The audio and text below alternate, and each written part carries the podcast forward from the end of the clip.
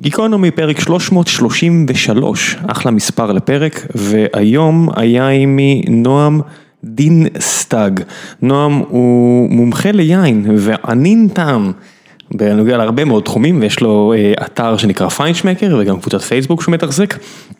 דף פייסבוק שבעצם שעוסק באנינות וביין והוא באמת אדם עם המון המון ידע לגבי אותו משקה אלכוהולי ודיברנו על הרבה נושאים שקשורים ליין, על איזה יין מכינים בכל רחבי העולם ומה זה אומר על התרבות המקומית והייתה פשוט שיחה שנגמרה מהר מדי, באמת, זה היה פרק רגיל של שעה ורבע אבל היה לי כל כך כיף לדבר עם נועם ואני מבטיח לכם שהוא יגיע שוב, אנשים שיש להם כזה ידע ורטיקלי עמוק זה באמת ה passion והסיבה, ה passion, התשוקה שלי ושל דורון, אנחנו מתים על אנשים כאלה וזו גם הסיבה שיצרנו מלכתחילה גיקונומי לפני 333 פרקים, אז כמו שאמרתי ברגע שקצת הלוז יתפנה אני מבטיח לנסות להביא את נועם שוב כי באמת הפרק נגמר מהר מדי ולא הספקנו להגיע להמון המון נושאים שרצינו להגיע אליהם, מקווה שתהנו ולפני שנגיע לפרק עצמו אני רוצה לספר לכם על נותני חסות שבדקתי לאחרונה, כמו שאתם יודעים אני לא מסכים לכל חסות בגיקונומי ואני כן משקיע זמן כשיש לי את הזמן הזה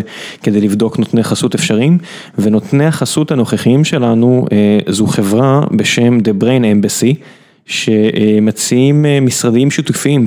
אתם בטח מכירים את המודל הזה מכל מיני חברות אחרות וגם לי היו את הספקות שלי ולכן כשהגעתי לראות את המשרדים של The Brain Embassy, את המשרדים שהם מציעים בתל אביב לפחות, יש להם משרדים בעוד מקומות בעולם, היה לי ממש כיף כי הם עונים על הרבה מאוד צרכים שלא מצאתי, שאני באתי לבחור את המשרדים בתל אביב ביחד עם השותפים שלי, אז היו לנו כל מיני תנאים, רצינו לוודא שיש יציבות פיננסית ושהם לא הולכים לעשות צרות ושיש עם מי לדבר ושהמשרד עצמו מתאים לנו ונוח לנו ושלל פרמטרים אחרים ואת כל הדברים האלו אתם יכולים למצוא בבריין אמבסי.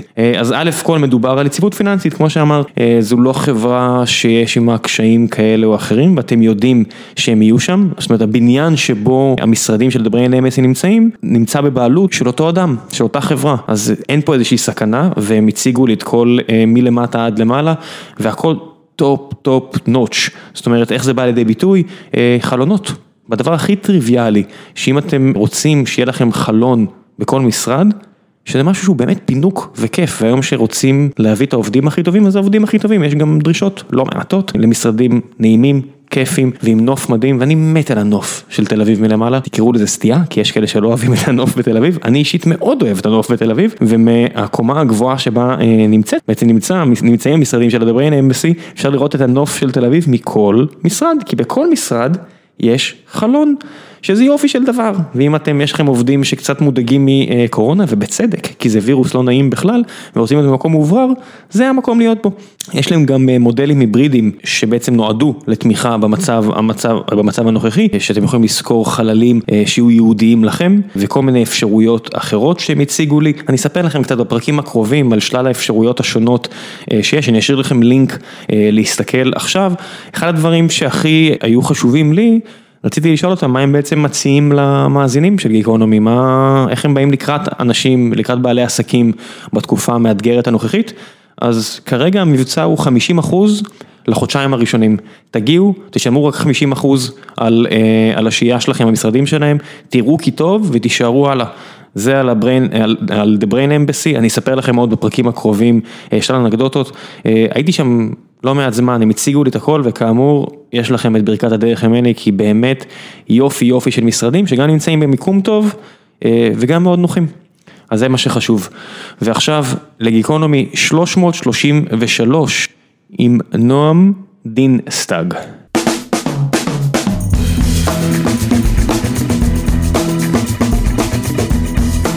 גיקונומי פרק 333 והבוקר נמצא עימי נועם דין סטאג. יופי, הוא מסמן ככה עם האצבע שפגעתי בשם. כל הכבוד.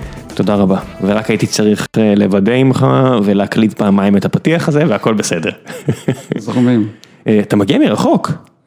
טיפה, כן, האמת היא שאני קצת בשוק שהצלחתי להגיע בזמן אפילו, אבל יצאתי בשש וחצי מהבית ושש וארבעים ושרדתי את הפקקים של הדרך. רמת הגולן. לא, לא צריך להגזים, אזור חיפה, קריות. משום מה לי בראש רמת שאתה מגיע עוד יותר מצפון ישראל. רמת יוחנן זה, לא, רמת יוחנן, זה, כאילו זה, זה, זה רמה מאוד אה, קטנה, זאת אומרת זה גבעונת, אבל אה, לא, רמת הגולן זה לא. אם מדברים על יין, כן. מה הגובה האופטימלי? של מה? של, ה- אה, של גידול. של, גידול. אה, תראה, אה, אה, אקלים, אה, לאקלים קר יש הרבה, אתה יודע, גובה גבוה. אקלים קר יש, אה, אה, יש אה, יכולת לעשות טוב לענבים, להוריד את המחלות בחורף, שהגפנים יהיו בריאות. זה, זה בדרך כלל אומרים שזה יוצר הבשלה טובה, אבל האמת היא שכל טרואר, ואנחנו נדבר על טרואר מתישהו, כל בית גידול, יש לו פשוט אופי שונה. זאת אומרת שיש מקומות חמים מאוד כמו ריברה דל דוארו בספרד, שלומדים גם להתמודד עם החום שם, ובארץ גם, בנגב מגדלים אה, אה, ענבי יין, אה, ובגדול אתה יכול לעשות יין בכל מקום, השאלה איך אתה פשוט מתמודד עם מה שיש שם, עם כמות המשקעים שיש לך, מה אתה צריך לעשות עם הקרקע, וזה תהליך שדורש הרבה זמן, אבל בקיצור... זה היתרון ב... הנה בית, אתה יכול לגדל יין כמעט בכל אקלים, חוץ מ... אוקיי, עמק המוות, איך שלא קוראים למקום הזה בארצות הברית, כן. ש- אוקיי, אבל אה, אתה פשוט צריך כן. להבין איך להתמודד, וזה פשוט ישנה את האופי של היין, ישנה את ההבשלה. כן, זה מצחיק, אותו עמק המוות שאם אני זוכר נכון נמצא בין קליפורניה לנבדה, די, צמוד לסנומה ו- ולנאפה נכון. ולאזורים מהמופלאים בעולם ליין. נכון, ואפילו בתוך קליפורניה יש אק- אקלימים שונים לגמרי, יש לה... שמע, זו מדינה שגדולה פי 20, אם אני זוכר נכון, זה 400 אלף לעומת 20 אלף קילומטר רבוע לישראל, כן. ורק בישראל הפצפונת יש כל כך הרבה אקלימים, זאת אומרת, אמ, אחי הגדול אה, הלך אה, לקטוף דובדבנים עם אשתו בגוש עציון, יש שם בית ספר חקלאי ויש להם אה, מטע דובדבנים מהגדולים בארץ, אם לא הגדול שבהם. אוקיי. והם אומרים שב-700 מטר אצלהם זה הכי טוב, אבל זה בדיוק ההבדל, כשאני יושב עם מישהו שהוא אשכרה מבין, לעומת החקלאי שרוצה למכור את התוצרת שלו, אז הוא יגיד, הכי טוב זה 700 מטר עם ככה לחות, לעומת אפשר לגדל בכל מקום, זה- פשוט יהיה שונה. זה, זה מה שנקרא פוזיציה באיזשהו מקום, וזה בסדר שיש להם פוזיציה, כי הוא, הוא יודע, שמע, גם מעבר לזה שאני ארגיש שהוא מישהו כזה, למשל, כמו מה שאתה אמרת, הוא מנסה למכור לי את התוצרת שלו, אני יכול גם להעריך באמת, ב- בכנות, שהוא מבין מה טוב בפרי שיש אצלו. זאת אומרת, הוא יגיד לך, תקשיב, הוא יגיד לך הכי טוב, אבל אתה, אתה יכול להגיד, אוקיי, מה מיוחד בפרי שלך? תגיד, אוקיי, זה אקלים קר גבוה,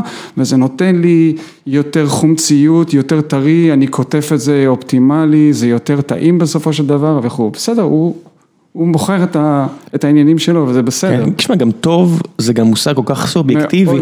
זאת אומרת, יכול להיות.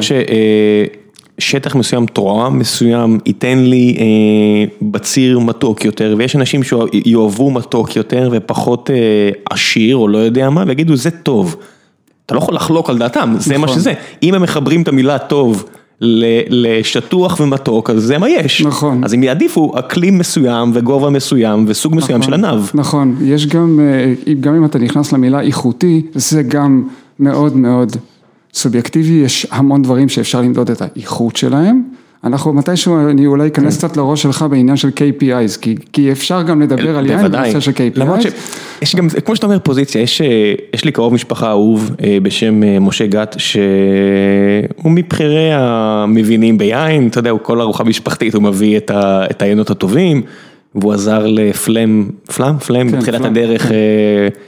שהוא טס לדרום אפריקה ללמוד יננות, והוא סיפר לי על זה והכל, ואח שלו הוא היה מבקר היין של ישראל היום. ואני לא הייתי במאורע הזה, אבל כשהוא פרש, אז הוא אמר, עזבו אותו, כאילו, לא, אה, אחי, ואם אני, לא, אני מקווה שאני לא מעוות את הסיפור, לא, הייתי צריך לוודא את זה איתו לפני הפרק, שאמר, האמת, כל השנים האלה שכתבתי ב, ב, בכזה פירוט ובכזה פסקנות והכל, בסוף זה טעים, תשתו מה שטעים לכם, ו- וזהו. לגמרי. ככה זה, שאתה יודע, שאתה נובר עמוק בתוך איזשהו ידע ורטיקלי מסוים, אז אתה מתחיל להעמיס על, במיוחד אם זה אוכל, הרבה שכבות של אינטלקט והבנה, אבל בסוף זה כל כך אינדיבידואלי וגם לא רק לבן אדם, אלא לסיטואציה. לגמרי. אה, יש אה, המון אה, יחסיות בהרבה דברים שאנחנו נגיד פה היום. אני מדבר מתוך הפוזיציה שלי, שאני גם מדבר עליה מתישהו, אבל מתוך הטעם שלי, הטעם הנרכש שפיתחתי עם השנים, הדברים שלמדתי, דברים שלמדתי להכיר, ששינו לגמרי את הטעם שלי.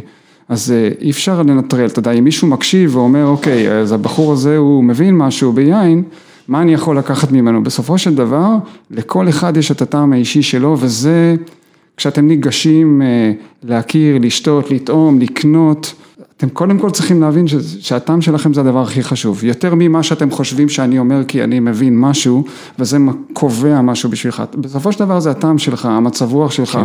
אתה יושב מול הים באיזה, באיזה סיטואציה, מתאים לך לשתות דבר X, אתה יושב למחרת במשרד אה, או שאתה יושב במסעדה, אה, אם זה אירוע משפחתי או יום הולדת, או שאתה יום שאתה מבואס ואתה לבד ואתה רוצה פשוט לשתות משהו טוב, אתה תשתה משהו אחר, וזה זה מאוד מאוד תלוי שעה, מה אכלת לפני, החמציות שיש לך בפה, על איך, איזה צד קמת בבוקר, זה נורא נורא משנה. ועדיין יש ערך להשכלה קולינרית, ובכלל להשכלה תרבותית, זאת אומרת, אני אומר את זה למשל בספורט. אתה יכול להסתכל על משחק כדורסל או משחק כדורגל ואתה יכול ליהנות ממנו אם זה ברמה גבוהה, זאת אומרת אתה רואה אנשים אתלטים עושים, אנשים, גברים, נשים, לא יודע איזה ספורט אתה רואה ואתה יכול ליהנות ממנו, אבל אם יש לך את הרקע הרגשי, התרבותי, ואתה גם מבין, זאת אומרת אתה רואה שמה שהם עושים, מה, הרי אם אתה לא מבין, הנטייה הטבעית של אנשים היא להניח אקראיות. מה טוב, סתם, אם זה כדורגל 22 אנשים רצים עם כדור. אם אתה מבין לעומק, אז פתאום אתה יכול ליהנות מזה הרבה יותר, באוכל זה אותו דבר, אתה יכול לשתות איזה כוס וויסקי, כמו שהיה איזה פרק, או עכשיו נדבר על יין, ואם הם מנסים להסביר לך, אומרים לך, עצור שנייה, תחשוב, תרגיש, מסבירים לך איך לטעום, ואז אתה מצליח לפענח את הטעמים, יש פה גם גורם של הנאה פה, זאת אומרת, נכון. אני, אני לא, וגם העובדה שטעם זה טעם נרכש, זאת אומרת, הרבה נכון. טעמים הם טעמים נרכשים. נכון. בטח אה, דברים כמו אלכוהול. נכון, עכשיו הפער הזה גם בין אה, סתם לשתות ולהגיד טעים לי, לבין לשתות, למזוג, להסתכל על הצבע, להריח, אחרי זה מתישהו ככה להבין מה, מה, מה עומד מולך, אחרי זה לטעום. הפער הזה בין סתם לשתות לשתייה מושכלת, מה שנקרא, הוא פער שהרבה פעמים אה, אה, מסתכלים עליו אה, הדיוטות כסנוביזם, אה, שמישהו מרים את האף שהוא... אה, מתפלצן עליי, אוקיי, על, על, על יין הרבה פעמים מדברים על פלצנות ובעיניי כאילו גם להיכנס לעובי הקורה, הוא, הוא לא חייב בכלל להיות פלצנות. כי אני מדבר איתך על זה לא כי אני מנסה להרשים אותך, למכור לך משהו, להוכיח לך משהו, אני מדבר איתך על זה בגלל שאני נוגע בדברים שהם מאוד מאוד אמיתיים ויש אותם בתוך היין ובאמת יש יינות עם מניפת ריחות מטורפת של 20 דברים שכאילו אני אומר אוקיי. בסוף זה כימיה, נכון, ישב פה אסף נכון. אביר ובספר שלו אתה יכול לראות את זה על פרי, נכון. יש, יש מדדים כימיקליים שאתה תיקח את, את אותו פרי אם זה מהשוק לעומת מהסופרמרקט כן. ותכניס את זה ל... אני לא יודע איך נקרא המכשיר הזה שהוא עושה אה, ספקטרום אה, של טעמים. כן. ואתה תראה שהפרי הזה מהשוק, הספקטרום של הטעמים שלו, בסוף זה כימיה כמו שאמרנו, הרבה יותר רחב. מאשר אותו פרי שישב בקירור יומיים בסופרמרקט. נכון. עכשיו אם החיך שלך מסוגל להכיל את זה, אם התודעה שלך מסוגלת לזהות את זה, ואתה בכלל, יש לך פניות רגשית ופיזיולוגית כדי להיות שם. סבבה, אבל זה לא אומר שזה נכון או לא נכון, לא צריך, אתה יודע, בעידן הפוסט אמת אה, עד כדי ככה לשטח נכון, את, את המציאות. נכון, יש, יש גם את ההתייחסות לכמה זה חשוב, האם זה כאילו, כמה זה חשוב, לפעמים אני פשוט יושב, אני אומר, תן לי לשתות את הכוס הפריגינג הזה, וזהו, ואל תדבר איתי על, על זה, לפעמים יש מצב רוח לצלול לעומק, ולפעמים אתה אומר, בא לי סתם לשתות, לא בא לי להתחיל להתעסק עם זה, אגב זה מזכיר לי לא רק את הפרק של אסף אביר, זה מזכיר לי גם את הפרק של איתי רוגוז'ינסקי. עם הגלידה? עם הגלידה, כי הוא, כשהוא למשל אה, הנדס את הגלידה אה, כן. קנאביס וגלידה אה, חביות עץ אלון, אגב זה קצת מתקשר לעניין של היין, הוא דיבר על, על, על ממש איך הוא הרכיב את הפרופיל של הטעמים וזה, ו, ובאמת בייצור יין יש המון המון כימיה, המון, מהאמיץ. העסיס שסוחטים מהענבים, עד שהוא הופך למה שאנחנו קוראים יין, הוא עובר המון תהליכים כימיים. כמה שנים זה כבר הסיפור, זאת אומרת, לא מזמן קראתי או שמעתי משהו על, אה, על רומא, שהם היו מסתכלים על אנשים ששותים יין לא מהול במים בתור ברברים, זאת אומרת נכון. בתחילת הדרך, של מה אתם עושים, יין אתה לא יכול לשתות ככה, אתה צריך נכון. למהול אותו במים לגמרי, כי, אז כי... מתי כאילו כל התרבות הזו של... של... אני יודע שהרי שתו יין גם לפני שלושת אלפים שנה. נכון, אבל בתקופה של הרומאים, מה שאני מבין זה שמהלו אותו, בגלל שהיין היה כל כך crude, הוא היה כל כך גס, ש... והיו בו כל מיני תרכובות נדיפות וכל מיני דברים שפשוט היה מש... היו משבשים לך את הדעת אם היית שותה אותו straight. היית חייב למחול את היין. מה זאת אומרת משבשים את הדעת? זאת אומרת שזה היה בו כל כך הרבה אלכוהול וכל מיני דברים שהתפתחו, בקטריות שהתפתחו, כי אתה יודע, היום כשמייצרים יין, יש לך סטריליות מאוד רצינית שאתה צריך לעשות, אתה צריך, כשאתה, כשאתה מייצר את היין, אתה צריך לדאוג שתהיה בו מספיק חומציות, כדי שהיא תהרוג את כל הבקטריות הלא טובות שיש בו, ובתקופה כי זה שלא- רקב עדיין. כי, כי, כי, כי לא, כי יש שם פשוט פרי שהוא מתפתח לכל מיני דברים, ואם אתה לא מאחסן אותו מספיק קר, או דו- דואג שתהיה הפרדה, שלא, שלא יהיה, שהוא לא יתפוס כל מיני חלקיקים מהאוויר, שהוא לא יתפוס קורונה, שלא יעלו עלינו וכו'. ובתקופה של הרומאים, כמובן שאין שום מודעות לדבר הזה, ותחשוב אם הרומאים גם לא ייצרו בעצמם את כל היין, למרות שהם מאוד אה, פיתחו, גם לדבר על היסטוריה של יין, אבל הם, אולי הם קנו יין כנעני, whatever, או יין מפה ויין משם, עכשיו הובילו את זה באוניות, וזה גם התקלקל קצת בדרך. קצת. אוקיי, אז ברגע שזה מגיע עכשיו אני- אני לא מדבר על רומאים במצרים או בפרובינציה של ישראל. רומא באיטליה. אוקיי, ברומא באיטליה. אתה יודע, זה יין מגיע, אז הוא התקלקל עוד קצת בדרך, והם הם שותים איזה משהו שהוא, אני לא- אני לא יודע, זה, זה נשמע כמו משהו שבאמת משבש קצת את הדת, שעושה- שקצת דופק את הראש כמו LSD או משהו כזה, בגלל זה הם פשוט היו מוהלים אותו. זה מה שאני... כן, יש מה לנו- ש- יש לנו איזו מחשבה שמה שהיום זה מה שהיה ומה שיהיה זה מה ש... שונה, לגמרי. מאכלים, אני בכלל לא, זה כמו שיש את הדיון הזה על אה, מי המציא את כל המאכלים של אה, של ערביי ישראל או ערביי האזור, כן. אז אומרים אתם, יש ניכוס תרבותי וכל הדברים, אני נכון, אומר, כן. חבר'ה עגבניות זה עניין די חדש פה, כן? זה בסך הכל, אתה יודע, זה פרי שהגיע מאמריקה אם אני זוכר נכון, זאת אומרת זה עניין של סך הכל כמה מאות שנים, אז... זאת אומרת, כל, הדברים האלו, הכל, כל כך חדש, הכל כל כך משתנה, מה שהיה באמת בתקופה הרומאית, ממש מסקרן אותי כאילו אפילו לטעום את האוכל, איזה טעמים, אני מניח שזה lips and bounds פחות טעים מאשר היום, מצד שני, אני לא יודע, אולי עם כל החקלאות אה, התעשייתית והסופרמרקטים, באמת, אני לא יכול לדמיין כמה כן טעים זה היה, לא יודע. כן, אני מניח שזה היה מאוד מאוד מאוד שונה. אה, אגב, רומאים, אני חושב שבספר, שבספר של קאטו, אני רואה שהכלב שלך לא פה היום. נכון, הוא לא פה אבל, היום. אה, אבל אה, בספר של קאטו לדעתי יש גם התייחסות לעניין של יין. והרומאים לקחו את מה שהיוונים התחילו, אה, עשו והפניקים עשו לפניהם, והרומאים שכללו עוד יותר את העניין של אה, השקיה ופיתוח של זנים, ויש אזורים, אה, יש אזורי יין הוותיקים באירופה, שמדברים על זה שהם מייצרים פה יין, אה, מגדלים פה ענבי יין מתקופת הרומאים, יש הרבה אזורים כאלה כמובן כן, בעולם הישן, מאוד הגיוני. כן, זאת אומרת, באמת, אם אני מנסה לדמיין, אז באמת הייתי מהמר שהמקומות שבהם יש אלכוהול בצורה רציפה, זה כנראה יוון, רומא, ובאמת לבושתי, אני לא יודע, אולי סין והודו, זאת אומרת, זה התרבויות העתיקות, שהשתמרו ברצף ולא נהרסו כליל. בסין יש פשוט אלכוהול אחר, לא יין. היום הם כן מייצרים יין, כי יש שם צריכה. מייצרים הכל, כן, הם מייצרים הכל. כן. יש שם גם קונים הרבה מאוסטרליה, וכן, יש שם שוק מתפתח, הם שותים אה, מהעולם לא רק אה, אה, פלסטיק ופלדה ומתכות, הם גם מעלים מאוד את המחירים של אה, יינות אה, צרפתיים שהם סוגים של, סוג של מותג, והם גם משנים את, ה, את המפה של היבוא. זה היה מוצר צריכה אה, יוקרתי כל השנים? מה, יין? כן. אה, ממש לא, ואם דיברנו על שינויים שקרו בעת העתיקה, באמת כאילו, אה, באמת אני פתאום מתחשק, עשית לי חשק ללכת לרומא העתיקה ולטעום שם אה, אוכל ויין. כנראה שהקיבה שלך לא, לא, לא תחזיק את זה כמו לא יודע, ששלי לא. כן, אני לא יודע. אה, רגע, שאלת על... על האם האם יין היה מוצר צריכה אוקיי. אה, אז זהו. יוקרתי ומה ההיסטוריה של אז, זה? אז דיברנו על שינויים שהיו ואפילו ב, במאה שעברה, אפילו בחצי השני של המאה שעברה, היו עדיין תעשי, אה, מהפכות מאוד גדולות בתעשייה של יין. יש אה, מושג שקוראים לו premiumization או פרמיומיזציה. לקחת, אה, אה, לקחת גידול של אה, אה, ענבים שהוא אה, הוא משופע, שאתה אתה, אתה בעצם מגדל הכי הרבה שאתה יכול, או אתה מגדל המון המון המון פרי, ואתה מוציא מזה יין באיכות X. עכשיו, ברגע שאתה רוצה להתחיל לייצר יינות איכות, אתה פשוט, אתה, אחד הדברים שאתה צריך לעשות, כי יין מתחיל בפרי שאתה מגדל, אתה צריך פשוט לדאוג שיצא הרבה הרבה פחות פרי, כי אתה רוצה שהוא יצא יותר מרוכז ויותר איכותי, ותוכל לעשות פה בסוף יין יותר טוב, או יין, כן, יין יותר איכותי.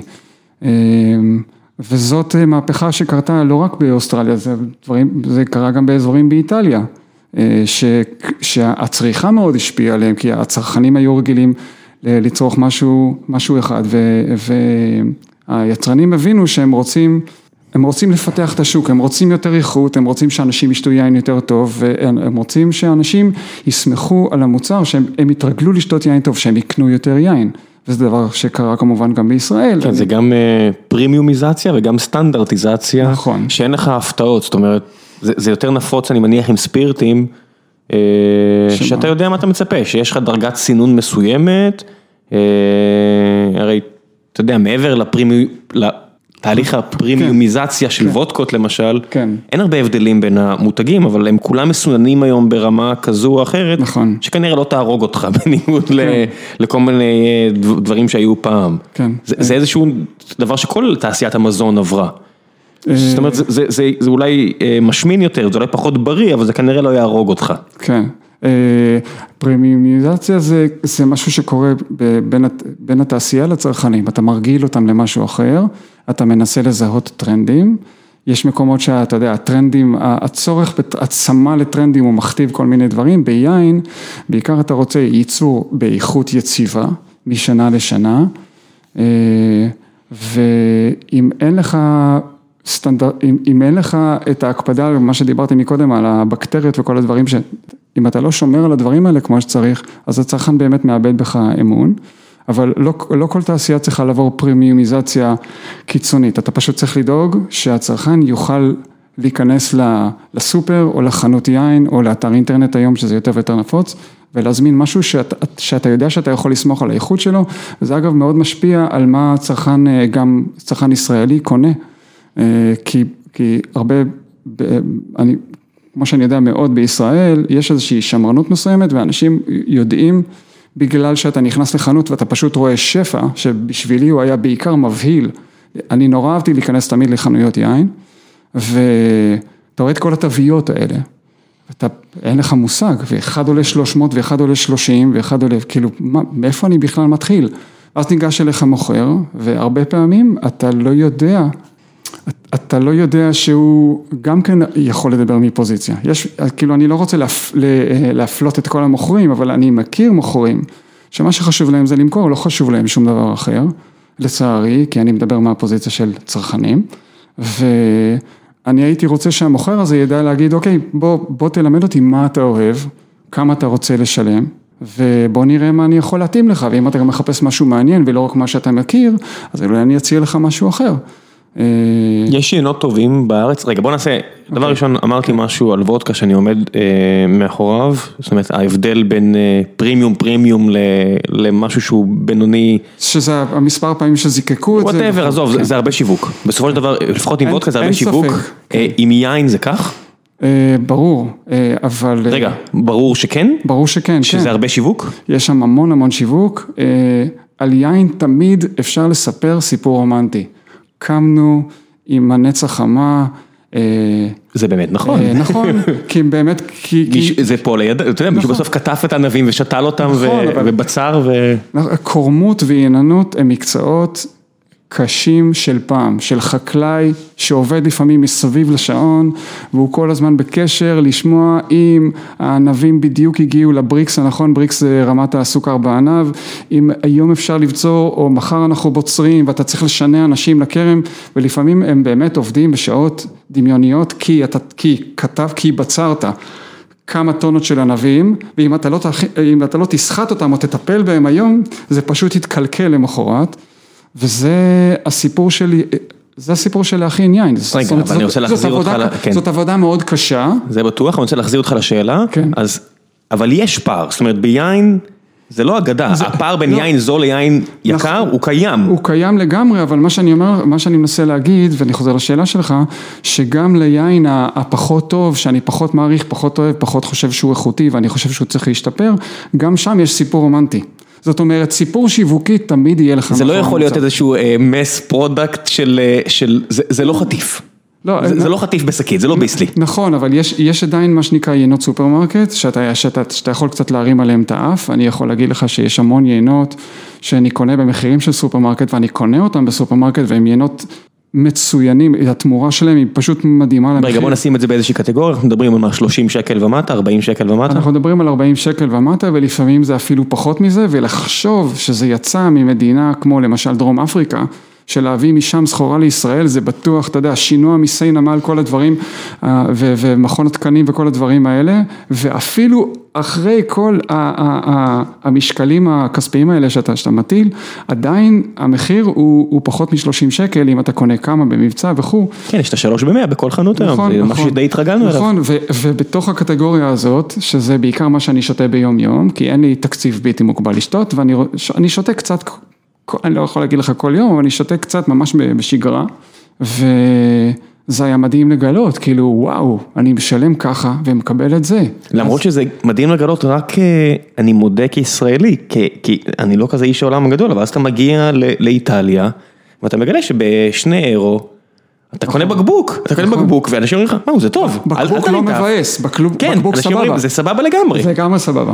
אתה מסתכל ואומר, אבל זה יותר זול מהמים שאתה מוכר לי פה, ממש, נכון. המים לא זולים, נכון. זה יותר זול, עושה לי, אוקיי, ו... מה, תגיע לפואנטה אדוני, כן.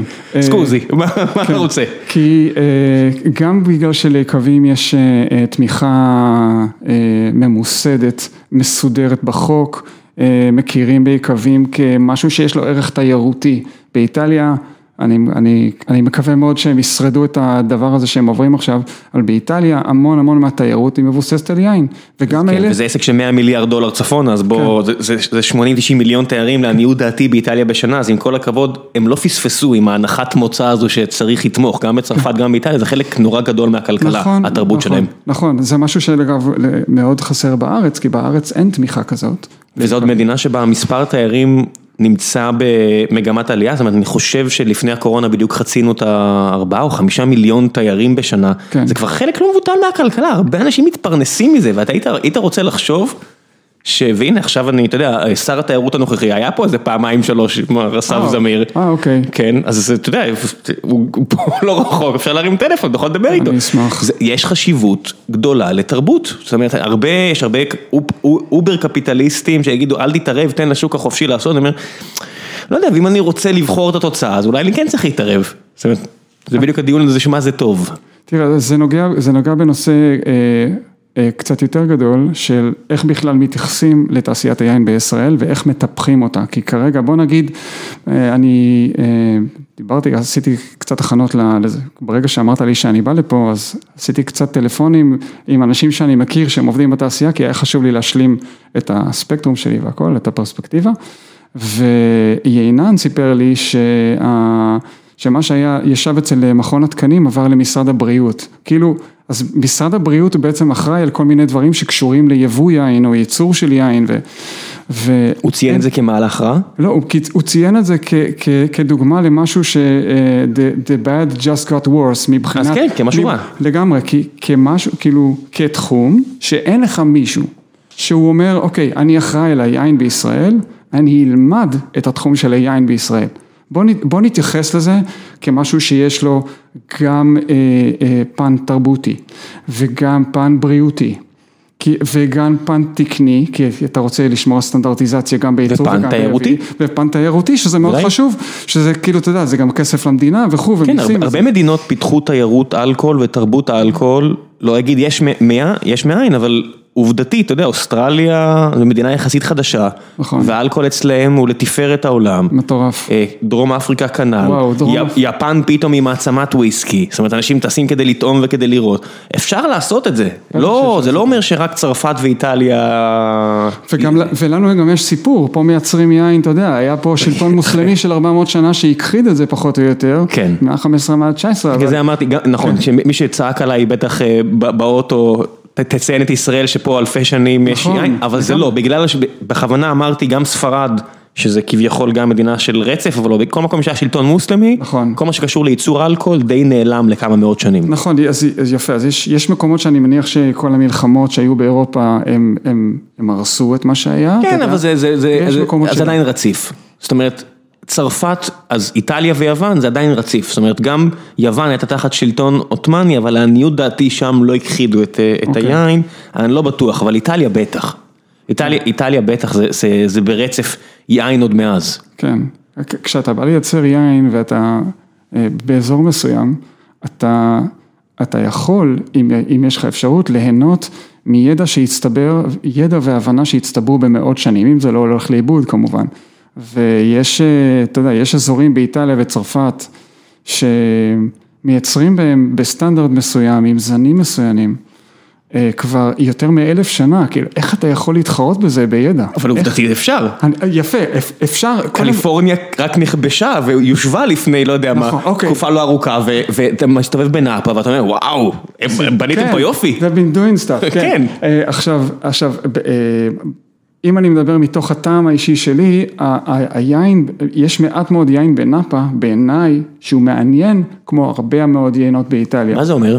זאת אומרת, שאם אני, אני רוצה שיין יהיה לי לא רק נעים, אלא גם ייתן לי איזשהו added value של, של עניין ו, ועומק, וכשאני אומר מעניין, אני לא חייב ל... אני לא מדבר על זה שאני אשתה משהו ואני אגיד, וואו, אני בחיים לא הרגשתי את זה, ואני כאילו...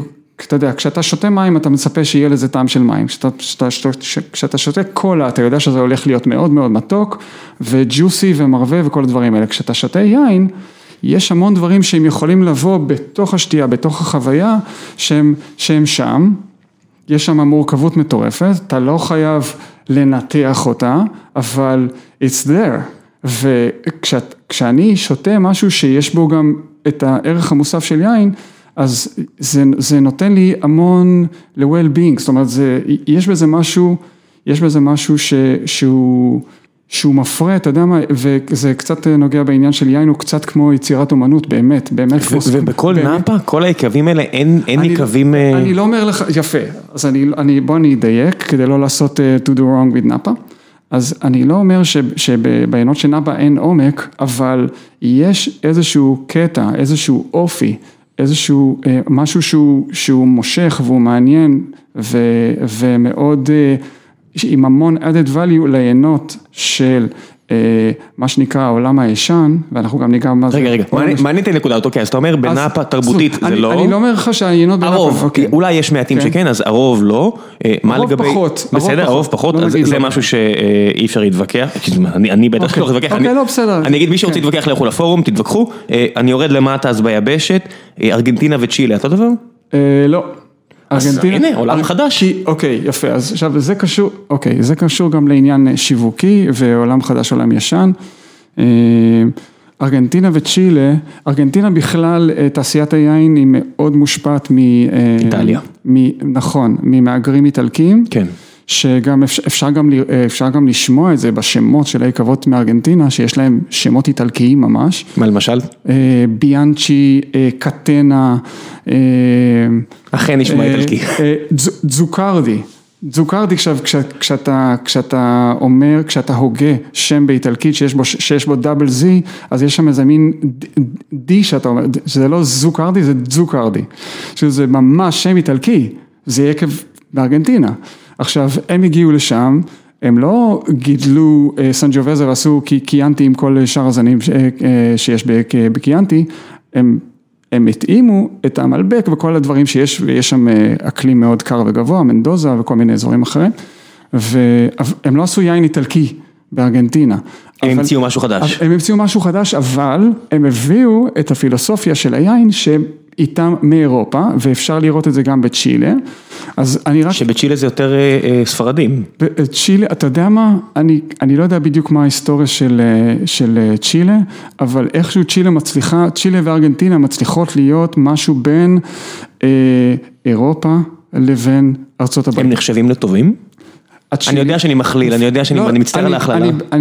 אני בכיף אכליל על צ'ילה וארגנטינה, כמובן שאנחנו מציינים שזאת הכללה, יין הרבה בהמון מקרים, יין הוא ממש ישקף את האופי של האנשים שגרים באותה מדינה. הצ'יליאנים הם היקים של דרום אמריקה, הם punctual, מדויקים, לומדים הכל מאוד מאוד לעומק והם קצת חמורי סבר והרבה יינות בצ'ילה הם כאלה. מה זה אומר יין חמור סבר? חמור סבר זאת אומרת שיין, יפה, יין שאחרי שאתה תשתה אותו כמה זמן אתה תגיד אוקיי היין הזה פחות מנסה להיות fun והוא יותר חשוב לו להיות מדויק ואיכותי מלהיות יין קליל וכיפי. מה זה אומר, אתה חייב לפרק את המילים, מה זה אומר מדויק? מדויק זה אומר שכל טעימה, כל בקבוק יהיה אותו דבר כמו הבקבוק הקודם? מדויק זה אומר שהעבודה עם הפרי ועם היין בסוף, היא, היא, היא מביאה תוצאות מאוד איכותיות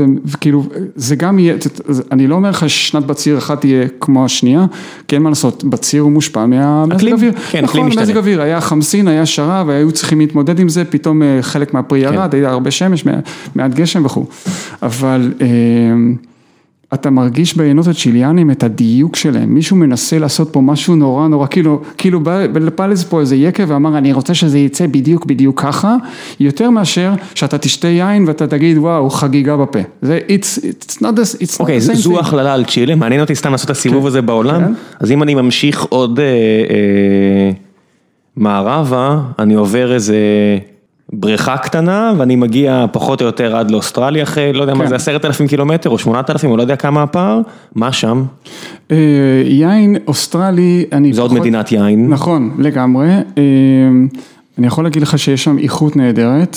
אה, יש איכות נהדרת. יש איכות פנטסטית באוסטרליה. למרות שהם צאצאים של בריטים שלא ידועים ביין המדהים שלהם. אה, תשמע, ככל שההתחממות הגלובלית משפיעה גם על אנגליה, פתאום יש, יש באנגליה לא מעט אזורים שפתאום אפשר לגדל שם ענבי יין. אני, אני, פתאום יש שם תעשייה יש של יינות? מבעבעים. יש דבר כזה יין אה, בריטי? יש דבר כזה, יין, תעשייה של יינות מבעבעים. טוב, עכשיו. עם הברקסים כאילו, חייבים, כן, לשים אצבע בעין. לגמרי. רק שלא יתחילו לירות בגבול של אה, דרום אירלנד, צפון אירלנד, על סחורה שמגיעה מאנגליה, אבל בסדר. אז, יש יין. בריטי, אבל מה זה אוסטרליה? אז אני מחזיר אותך לאוסטרליה, אקלים חם, מדינת יין. נכון, אה, יש שם כל מיני מיקרו אקלים, יש אה, מקומות מפורסמים כמו עמק ברוסה. אני, אני פחות יכול להכליל על יין אוסטרלי, אני פחות מכיר יין אוסטרלי אישית, טעמתי המון טובים. הם, אה, אני, מה שאני יכול להגיד לך שהם הם יותר קרובים לדרום אמריקה במובן הזה שהם איפשהו על, באמצע במנעד של בין אירופה הקלאסית לתעשייה של נאפה, לתעשייה של נאפה. הנאפה הם עוד יותר הלכו למודרנה בהרבה מובנים, והאוסטרלים הם עושים משהו שהוא קרוב לנאפה, אבל עדיין יש בו קצת, קצת, קצת מאירופה במקומות אה, מסוימים, ויש מקומות שהם אומרים, אוקיי, אני רוצה שהיין שלי יהיה עוד יותר אירופאי. אז המשכתי עוד טיפה מערבה, ירדתי טיפה למטה, אני מגיע לדרום אפריקה, כן. שאני למדתי עליה רק מאותו, מהסיפורים של אותו אה, אה, משה, קרוב משפחתי, שסיפר לי שזה אימפריה של יין, ממש. שישראלים ממש טסו ל- ללמוד שם יננות. נכון, עכשיו אני אגיד לך עוד דבר, אני מקווה שאני כאילו, אולי אני אחדש לך, יש אה, יקבים דרום, דרום אפריקאי שמיובאים לישראל, שקראתי על הבקבוק שהיקב הוקם ב-1600 ומשהו, זאת אומרת יקב בן 350 שנה, עזוב את זה, זה- זה- מדרום אפריקה. 1600 זה כמה המתיישבים הראשונים. כן, אוקיי. זה מה שמדהים. יש, איזה עניין של הוגנוטים, לא יודע מה, באו מהולנד. מפה. ובריטניה, כן. כן, אוקיי. עכשיו, הם הביאו, עכשיו, הם הביאו לשם זנים מצרפת. לא רק סוביניון בלאן, שנין בלאן, שזה יין מעמק, שזה זן... שנין בלאן? שנין בלאן זה זן מעמק הלואר. אם אתה יצא לך איפשהו אה, אה, לשתות אה, יין שקוראים לו ווברה, למשל, שזה יין לבן מעולה, זה כפר בעמק הלואר. ווברה זה שנין בלאן מעמק הלואר, ו- ודרום אפריקאים עושים שנין בלאן מדהים. ו... בר- ברמה שמתחרה בצרפת, ב- מבחינת המיתוג והאיכות? אה, תראה, ברמת, ברמת מיתוג זה מיתוג מאוד שונה כי זה יין שונה, הם, אין להם את הטרואר של עמק הלואר, אין להם את כל ה... אין להם את כל המאובנים, את כל הפוסילס האלה שיש בקרקע וכל האבן גיר, ובעמק הלואר יש אבן שנקראת טופו, אם, לא, אם שמעת, כל הטירות האלה שיש, שמפוזרות בעמק הלואר מתקופה שזה היה נורא פופולרי לבנות שם טירות, הן עשויות מאבן שנקראת טופו, שהיא מר- כאילו משהו שדומה לגיר, אבל הוא קצת יותר קשה, ועדיין נוח מאוד לחצוב בו, והדבר הזה מאוד משפיע על תעשיית היין, יש קווים שהם נמצאים בתוך מערות שהם עשויות מטופו, אבל יש, יש כל מיני דברים שיש בעמק הלואר. רגע, רגע, יקבים שנמצאים בתוך מערות? הייתי, הייתי, הייתי, יש, ה- יש הגפן לא רכ- צריך שמש? ר- רכס, לא, אתה, ה- ה- הגפן הוא בחוץ, אבל את, ה, את היקב, את, ה, את, ה, את, היין, את היין, אה, במקרה הזה זה היה יין מבעבע, מייצרים בתוך מערה. מה זה עוזר שאני מייצר את זה בתוך מערה? בגלל שיש שם, כשאתה... האוויר? ה- לא, הטמפרטורה מאוד מאוד יציבה, טמפרטורה מאוד נמוכה, למשל, למה, למה... רגע, רגע, רגע, אל תרוץ. כן, כן. הטמפרטורה אני מקבל, אין חשיפה יציב- שמן, כן. זה- זה בסדר, אני מח-. אני חי עם זה, כן. אבל איך האבן עצמה משפיעה על הטעם בתוך האבן- המערה? האבן לא משפיע, האבן לא, אה, משפיע, האבן תשפיע על הטעם אם היא תהיה בקרקע, אבל האבן פשוט מאפשרת לך לחצוב בתוכה ולעשות לעשות את היין בתוך הבנתי. העובדה שאתה, ש- אוקיי, עכשיו אוקיי? הבנתי. את כל הטירות, וכשאתה מאחסן את היין בתוך איזשהו מרתף שהוא, שהוא גם כן אה, deep in the ground, אז אתה יודע שאתה לא צריך מקרר יין, כי הסלר, זה מה שסלר כן. אוקיי, עושה. אז דרום אפריקה הבנתי, אנחנו עולים עכשיו צפונה, טיפה שוב קצת מערבה, מגיע לספרד, כן. אה, שזה גם מדינה שבה היין, כל החצי האיברי, נכון. פורטוגל וספרד, יש הרבה יינות שאני המון, מכיר, וגם, זאת אומרת, גם לאדיוטות כמוני, יש לי, כשאתה אומר לי יין ספרדי, אני אני פחות או יותר מדמיין משהו, כן. מה אתה מדמיין למשל? יין קליל, אה, די שטוח, אני אומר, אני שותה את זה כאילו, משהו שהוא יותר כיפי אה, ופחות פחות, אה, כבד. פחות רציני, מעמיק, כבד וכו' וכו'. כן. עכשיו, אה, זה, זה התפיסה הלוקשית שיש לי בראש, זאת אומרת זה ה... מה שאני יכול לחבר את זה למה שאני יודע על יינות ספרדיים, שבאמת יש בהם איזושהי, איזושהי כלילות ונגישות. זה לא יין, זה לא יין צ'יליאני, זה לא הרצינות של היין הצ'יליאני וזה לא הדיוק של היין הצ'יליאני. היין הספרדי והארצות הלטיניות האלה, כולל איטליה, יש, יש יותר פשן בתוך היין ופחות אה, גיקיות. אה, עכשיו, בספרד יש מלא אזורים ומלא זנים שאנחנו לא מכירים בכלל, כי התעשייה, כאילו היבוא לא, לא מביא לפה הרבה דברים. מה שכן מביא לפה, גם מביא דברים מאוד איכותיים.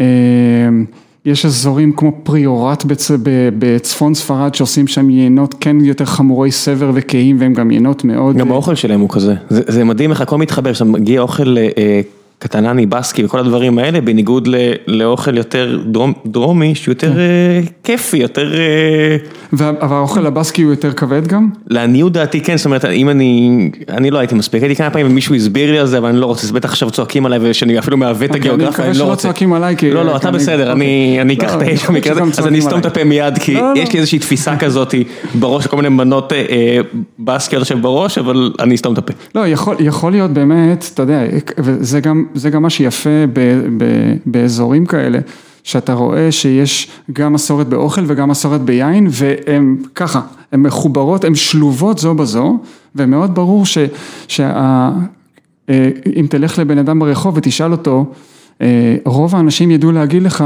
זה הולך עם זה, ואת זה אני שותה ככה, ואת זה אני שותה ככה. זאת אומרת, זה מה שנקרא תרבות יין. כן, יש כל מיני כללי אצבע שגם בארץ איכשהו השתרשו, שלא יודע, יין לבן עם דג וכל מיני כאלה. יפה, אז יין ספרדי אדום הולך נהדר עם דג. נכון, זה- זה- שם- שם אני מכיר את זה, מקרים. כן. יפה, עכשיו, עכשיו גם בספרד יש כן יינות איכות, רק, אה, כן. רק כדי להשלים את מה שאתה אמרת מקודם, ובספרד יש המון סוגים, כולל יינות שעולים שני יורו אה, לבקבוק, והם הם יהיו יותר פשוטים, אבל גם בארץ אפשר להשיג יינות ב, עם עודף מ-40 שקל, ספרדים, שיהיו גם טעימים וגם מעניינים, וכשאני אומר מעניין, לא יין שצריך להתחיל לנתח אותו, אלא יין שהוא בכלל לא פלט, פתאום אתה קולט שאתה קנית יין עם, אתה יודע, עם עודף מ-40, אבל אוקיי, יש פה עניינים, כאילו אני שותה את זה, וגם זה לא, זה לא יין סתמי, הוא יין שיש לו ממש ממש ערך מוסף. אז רגע בוא נמשיך את הטיול הגיאוגרפי עוד כמה דקות ואז כן. אה, נעבור נושא, אה, אז אני אמשיך, אה, אני בכוונה נמנע מצרפת ואיטליה כי אני מניח שתכף נגיע אליהם, אבל אם אני אמשיך עוד טיפה צפונה, אני מגיע לכל המדינות האלה שלא ידועות ביין שלהם ומעניין אותי למה, זאת אומרת יש את בלגיה, גרמניה, הולנד, סקנדינביה, שתסביר לי כמי שמבין, הרי זה מדינות שידועות בביר, בבירות שלהם למשל, בלגיה זה מדינה עם עשרת אלפים מבשלות או משהו כזה. יש אה, שם תרבות כזאת בבלגיה. אין להם, אין להם את היין בגלל הטמפרטורה והאדמה, או שזה פשוט עניין תרבותי? אני מניח שזה כי אם עניין תרבותי. בבריטניה אפשר, אז בטוח שאפשר, אצלהם אפשר. אז אני לא, אני לא... ושוב, אני מדבר מהתחת, אני לא- יפה, כן. אז, אז לי אין, אין לי תשובה מלומדת אה, אה, מאוד רחבה להגיד לך. אה, יש דבר כזה בכלל, יין גרמני? לא, יש, יין גרמני יש המון. עכשיו, מה שאני יכול להגיד לך כן, זה שאני מכיר תרבות יין גרמנית, אני לא מכיר תרבות יין בלגית. אני בטוח שהם צורכים יין, אני לא יודע אם האקלים המקומי מאפשר. ואם הציבור המקומי רגיל לקנות את התוצרת הזאת, אבל כמובן שיש שם תרבות בירה המאוד מאוד חזקה. לא, זה- הם מספר אחד. נכון. כן, הם מספר אחד. יש המון מבשלות והמון לא, טעמים. לא, יש מספר אחד בהרבה פרמטרים, טיול בירות בבלגיה זה מסוג הדברים כן. שאני רק מדמיין עליהם שברגע שהקורונה תסתיים זה אחד מהפנטזיות. מגניב. כן, אה, הייתי ב- בכל מיני מקומות בבלגיה שזה פשוט, אותו דבר שאתה אומר באיטליה, שאתה נכנס וקונה אה, יין פנטסטי בשני אירו, אז אתה יכול להגיע ללובן ולכל מקומות כאלה בבלגיה, ואתה מקבל את, מב... את, את כל הבירות הנהדרות שלהם, שפה בארץ יכולות לעלות בסופרמרקט 15 שקלים לבקבוק או משהו כזה, וב, ובפאב יעלה לך הרבה כן. הרבה הרבה יותר, כן. אז שם זה בדיוק יהיה אותו בקבוק של מדובל ועד לא יודע מה, כן. באותו אירו שניים אה, בפאב, כן, לא בסופרמרקט. כן, דובל זה, דובל היא אחת הבירות האהובות עליי, והיא בירה שבעיניי אפילו קצת מזכירה יין לבן ב, באיכויות שלה, היא פשוט אה, כן, זה, מופלאה. זה הבירה שמבחינתי פתחה לי את המחשבה לזה שבירה יכולה להיות מעניינת, שאתה שותה ואומר אוקיי זה לא גולדסטאר, עכשיו הבנתי נכון. שאנשים יורדים על גולדסטאר, הבנתי, ואני אוהב גולדסטאר, כן.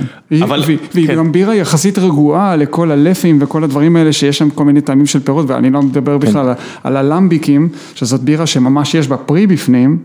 אה, אבל בוא נחזור, אני מחזיר כן, אותך ליין כן, כדי שלא יפה. נתפזר יותר מדי. אז, אז יפה, אז, הארצות הצפוניות האלה, בגרמניה יש תרבות יין, זאת אומרת שיש שם אנשים שרגילים לצרוך המון יין במשך השנה. אה, יש שם המון יקבים, יש המון זנים, יש המון אזורים. אה, יש שם טרואר מדהים, יש שם המון אזורים עם צפחה בתוך הקרקע ויש שם המון... מה זה. צפחה? צפחה זה סוג של אה, מרבץ, אה, זה מין סלע כזה בצבע... מינרל כלשהו. כן, מינרל כהה, כשאתה רואה גגות אה, כהים, שהגג שלהם הוא אבן באזור הזה, כשאתה רואה שהגג הוא לא סתם flat, אה, הגג הזה הוא עשוי מ- מצפחה. ויש הרבה ריזלינג אה, בגרמניה, וריזלינג זה זן שאוהב לבטא את הבית הגידול שלו, וזה משהו שמאוד משפיע אה, ו- אה, ונותן הרבה עניין ליינות גרמניים, יש בגרמניה יותר יין לבן מיין אדום. כן. יותר זה אומר שיותר ייצור או יותר יותר צריכה? ייצור, יותר ייצור ויותר צריכה, וזה בגלל זה מוכתב מהעניין של האקלים. איזה מוזר, הייתי מצפה שדווקא במדינה עם אוכל גרמני, כפי שאני אה, מכיר אותו, פשוט אוכל בגלל אוסטרי. האקלים לדעתי, אבל... זה- לא, אקלים זה, זה עניין של ייצור, צריכה אתה יכול להביא מאיפה שאתה רוצה כמעצמה כלכלית. נכון, אבל- ועם אוכל כבד הייתי מצפה ליין אדום כבד. נכון, אבל, אבל אם אתה, אם אה, אה, תהיה בגרמניה, תדבר עם גרמנים, תראה מה הם, תראה שאין להם בעיה לשתות יין לבן עם, עם אוכל שאתה מגדיר אותו ככבד, כי הם יכולים גם למצוא יינות לבנים שיהיו מאוד עשירים ומאוד שמחים, ויש דרך, יש הרבה דרכים של ייצור, לקחת יין לבן ולעשות אותו סמיך, עשיר, מלא, אה, מלא בטעמים וריחות של אדמה, מה שנקרא מינרליות, אתה שמעת את המילה הזאת פעם, מ- מינרליות? אני יודע מה זה מינרל, מין- אוקיי. מינרל זה כל החומרים שהם לא אורגניים לעניות דעתי, אז- זאת אומרת לא לא על בסיס פחמן. אוקיי, אז מינרליות זה, זה כינוי אה, כולל לאיזשהו אה, ניחוח של האבנים שיש בתוך הקרקע, כפי שזה מתבטא ביין, זה ריח שקצת מזכיר חצץ ששפכו עליו קצת מים, או אה, נגיד הגשם הראשון הרבה פעמים נותן לך מין ריח כזה, אתה יודע, זה אדמה רטובה זה משהו אחר, מינרליות זה מין ריח של, של, של אבן ש, שהרטיבו אותה. מן אוקיי? הסתם הריח הזה מגיע בגלל שכל הערים מרוצפות והכל, אני-. אני מניח שזה זה זה זה המקור של הריח? לא, המקור של הריח זה שיש אבנים בקרקע והיינן דאג שבייצור של היין לא להרוג את הריחות ואת ואת, את כל המאפיינים שהגיעו מהקרקע, לא, לא להרוג את החלק הזה של הטרואר ולאפשר ליין לקבל את המאפיינים של מה שאמרתי עכשיו, המיסקונספציה הזו שיין אדום נחשב ליותר תרבותי או המעניין מלבן, זה שטות שרק אני וישראלים חושבים או שזה משהו שהוא בכל אני העולם? אגיד, זה לא נכון. בוודאי, בגלל זה תייגתי את זה מראש כלא יפה, נכון. אבל יפה, אתה נוגע, זה נוגע אבל בעוד משהו, ש, שישראל היא שוק יין שיש לו עוד כברת דרך מאוד ארוכה לעשות, וחלק, וחלק מהדברים שאנחנו יכולים להיפתח אליהם זה שיין לבן הוא יכול להיות גם איכותי, גם רציני, גם אה, ראוי, אתה יודע, כאילו אתה יושב באיזה, נגיד אתה הולך ל... בוא, בוא נתאר סיטואציה שאתה יודע שאתה הולך להרביץ שם בקבוק מעולה ואתה מוכן גם לפתוח את הארנק, את הכיס וכו', נגיד אתה יודע איזה ארוחה באיזה מסעדה עם כוכבי משלן וכו' וכו' וכו'. בסיטואציה כזאת אתה יכול לשתות הכל, אתה יכול גם לשתות רוזה, אבל יש יינות, יש יינות לבנים מדהימים, יקרים מאוד, יקרים מאוד, שהם לא נופלים באיכות מיינות אדומים, זאת אומרת זה גם זה איזושהי מיסקונספציה ש, שבעיניי היא, היא גם כן ישראלית באיזשהי מובן. זה מה? באמת ייחודי לישראל המיסקונספציה הזו? אה, אני, אתה יודע, אולי בסין יש מיסקונספציה בגלל שהם לא אני רגילים לא- אני לא לצרוך. משווה, אתה יודע, אני לא משווה למדינות אה, חסרות, קשה לי, אה, כן, קשה לי אתה אומר זה כן, אז לא, יש, זה, זה, זה, אתה יודע... אה, באיטליה וצרפת זה לא יהיה פחיתות יין לבן לעומת יין אדום בשום. מקום. כן, אבל זה תלוי באיזה אזורים, כי באיטליה זה למשל זאת מדינה ש, שהעיינות הכי נחשבים שלה הם עיינות אדומים. ברולו, כנראה מכאן, כן. ברולו, ברונלו, קיאנטי, אה, העיינות האיטלקיים, האדו- העיינות האיטל- האיטלקיים שהם הכי ברנדס, שהם הכי יוקרתיים, הכי, זכו בהכי הרבה פרסים, ושברור שאם אתה עושה, אתה יודע, 10 best Italian wine list, אז ברור שהמותגים האלה יהיו בפנים. זה הרוב יהיה אדום. זה הרוב יהיה אדום פשוט בגלל שזה, זה מה שהשתרש שם, אתה יודע, זה, כן. זה גם עניין תרבותי, זה מה שהם רגילים לייצר, הם יודעים לייצר את זה מעולה, זה התבסס כמותג, הם רגילים לצרוך את זה, הם, הם, הם גם, יש, אתה יודע, יש, יש תוצרת איטלקית שהם שותים בבית ויש תוצרת שהם מייצאים החוצה, בעיקר גם צרכנים ב, בכל העולם. רגילים לצרוך יין איטלקי אדום מאוד, יין איטלקי לבן הם פחות מכירים. זהו, זה, זה מכאן מגיע הרבה מהמיסקונספציה שלי. תגיד, רציתי לשאול אותך בנוגע לאיטליה וצרפת. אה, היו ניסיונות פעם, או שלא, תגידי למה זה לא צלח? זאת אומרת, שמפניה, יין נתזים צרפתי מ- מאותו חבל ארץ, כן. זה נתפס כמעט כמשקה אחר מיין נתזים אחר, זה, זה נכון. לא למברוסקו, זה לא אה, נכון. כל מיני כאלה בעולם, כי זה שמפניה, היה נכון. מיתוג מדהים. נכון. איך האיטלקים או הצרפתים לא עשו את זה למשל עם, עם ינות לא מבעבעים?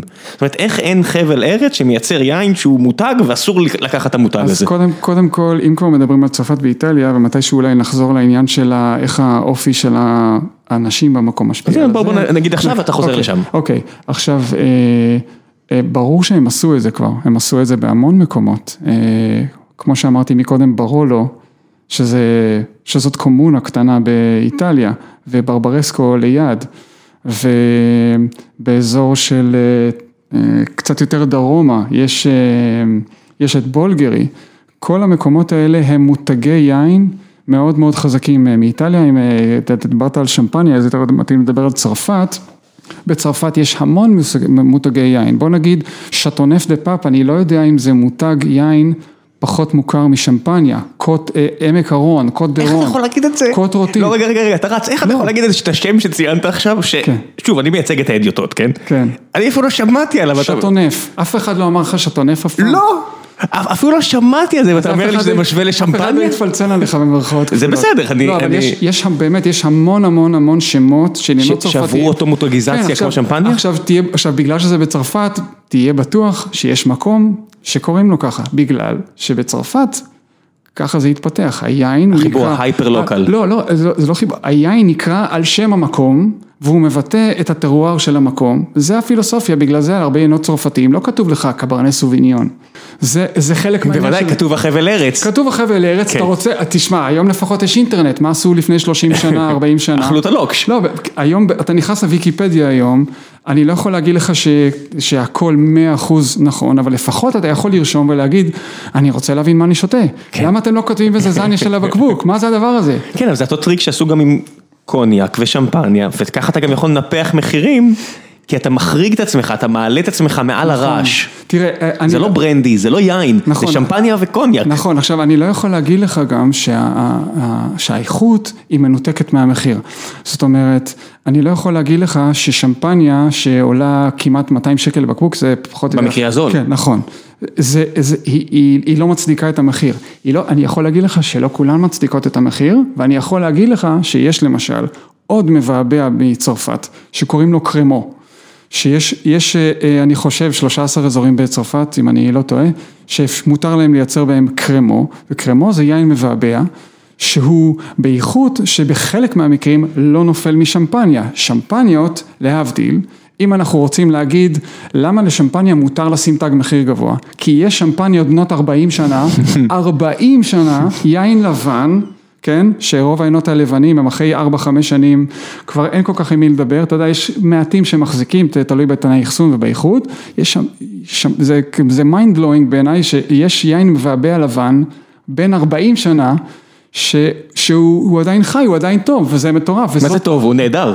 וכמובן שהמחיר שלו בהתאם, אבל יש דבר, יש שמפניה כזאת, אני לא יודע אם, אני לא חושב שיש קרמו שיכול להחזיק 40 שנה. איך זה, זה, זה אוקיי, אז בוא נדבר שנייה על האופי של אנשים, ואני אלך לנושא שרציתי להגיע אליו, אוקיי. על האופי של אנשים, מה באופי של אנשים... אנחנו עושים המון אוף טופיקים, אבל שלום אוקיי. גיקונומי, אה, אני אומר, אה, איך באמת האופי של האנשים מכתיב את ה... איך זה- קרה? מה בשמפניה?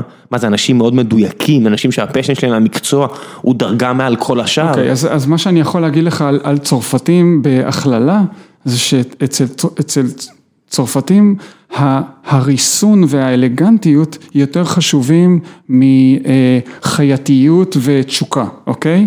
יין צרפתי, בהרבה פעמים יהיה בו איזה משהו שאתה מרגיש שיש בו איזשהו איזון פנימי וריסון.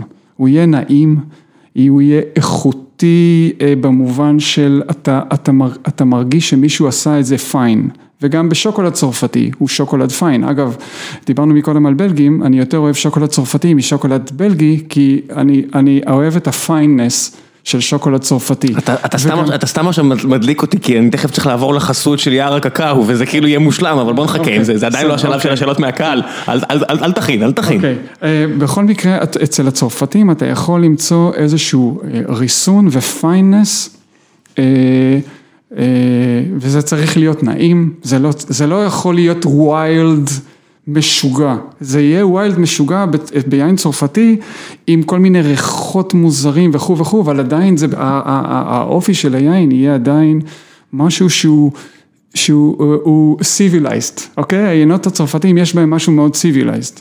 וזה, עכשיו, אם אתה שואל איך זה, איך זה הולך לשמפניה, שמפניה זה, זה באמת מותג על של, של מבעבעים, המותג הכי גבוה של מבעבעים, ומותג על צרפתי ביין, ויש להם אה, אה, פרסטיז'ה לשמור עליהם, אה, לשמור עליה, וה- והשמפניה באמת תהיה תמיד מאוד איכותית. זה כמעט היין נתזים היחידי שנתפס כמוצר גבוה, זאת אומרת, אני אומר, אני מדמיין למברוסקו, אם מישהו יוציא את זה באיזה ארוחה מפוארת, אני אגיד, מה אתה עושה?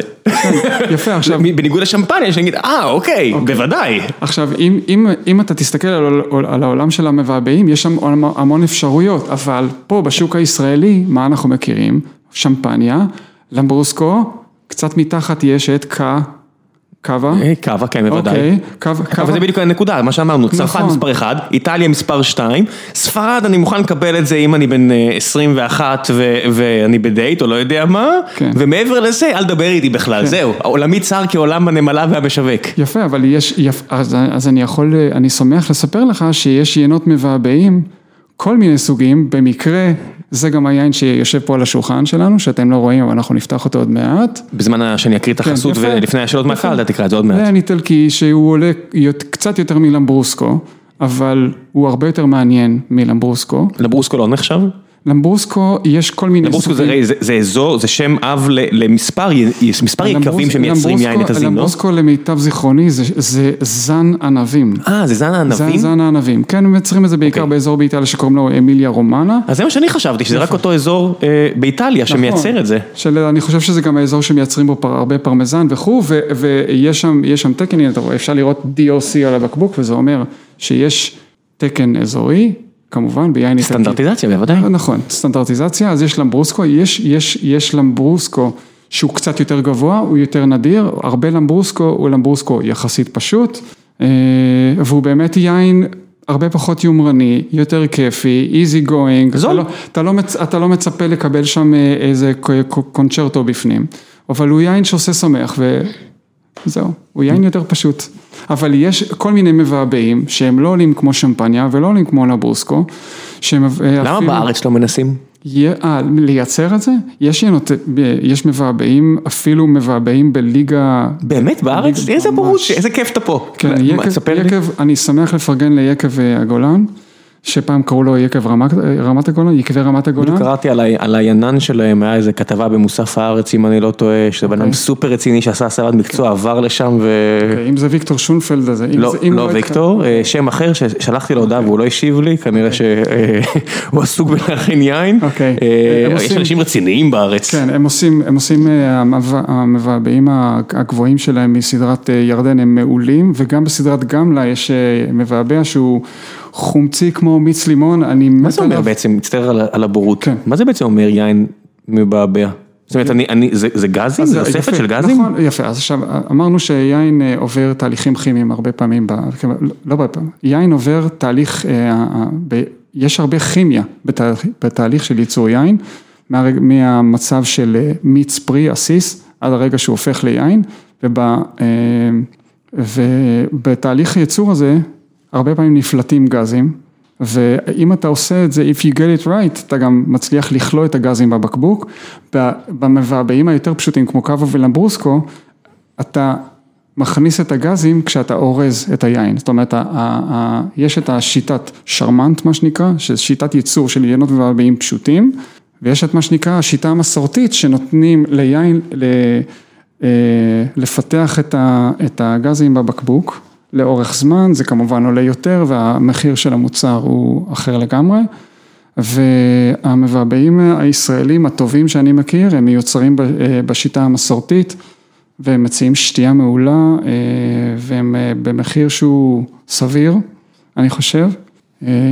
יש כאלה שנחשבים מאוד בעולם? זאת אומרת, אני יודע שיש כבר יקבים ישראלים שנחשבים, זאת אומרת, שזוכים בתחרויות, שמקבלים את התו תקן הגבוה. תראה, היין ישראלי, גם כן יש לו עוד הרבה לעבור, יש כמה... מה זה אומר? זאת אומרת, מעבר למאמצי שיווק שאני סופר מכבד אותם ולא מזלזל בהם, זאת אומרת, להגיע לז'ורנלים הנחשבים, להגיע לתערוכות הנחשבות, להגיע למסעדות הנחשבות שיתמכו בך, מה זה אומר מבחינת הייצור? ובאמת שתכף נעבור שאלות מהקהל, אני מצטער חבר'ה שאני יודע ששאלתם הרבה. זה אומר שאתה צריך לשלוט בכל ה... כשאתה אומר יצור, זה מתחיל באדמה ובגידול של ענבים. אתה לא יכול לגדל, לתת לשיח להשתולל, להוציא לגפן, להוציא המון המון המון פרי ולהגיד אוקיי, אני הולך לעשות יין איכותי מהדבר הזה.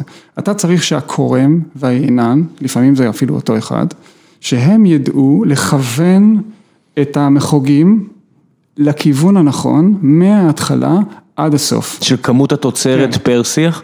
של כמות תוצרת ומה עושים עם זה, מתי בוצרים את זה, האם זה יעבור חביות, האם זה לא יעבור חביות. בסוף יש ביולוגיה, בסוף יש נתרן וחומרים אחרים שהופכים לפרי, ואם יש יותר פירות זה מתחלק כנראה על יותר.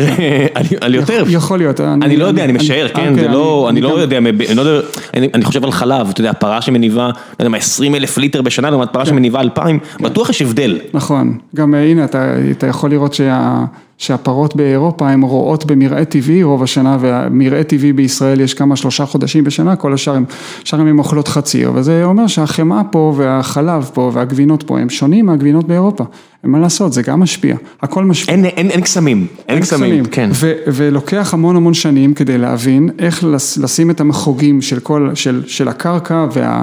והזן שאתה שם בפנים ואיך אתה מגדל ומתי אתה בוצר ומה אתה עושה עם זה אחרי שאתה בוצר את זה, כדי שהכל יסתנכרן והכל חייב להסתנכרן, לא יכול להיות, כאילו, אתה יכול שיהיו לך happy accidents בתוך יין וכו', אבל אתה לא יכול להשאיר דברים ליד המקרה, אם אתה רוצה לקבל יין איכותי, אתה צריך לשלוט על כל השלבים ואתה צריך שהכל יסתנכרן יופי טופי כמו שאתה אומר, וזה כדי שאתה יודע, זה קצת מזכיר לי לכתוב שיר, אוקיי? אנחנו, אתה יודע, כאילו, יש, יש אה, ספרים, מסות של אלף מילה וכו', שיר של שלוש דקות, זה עדיין המון עבודה.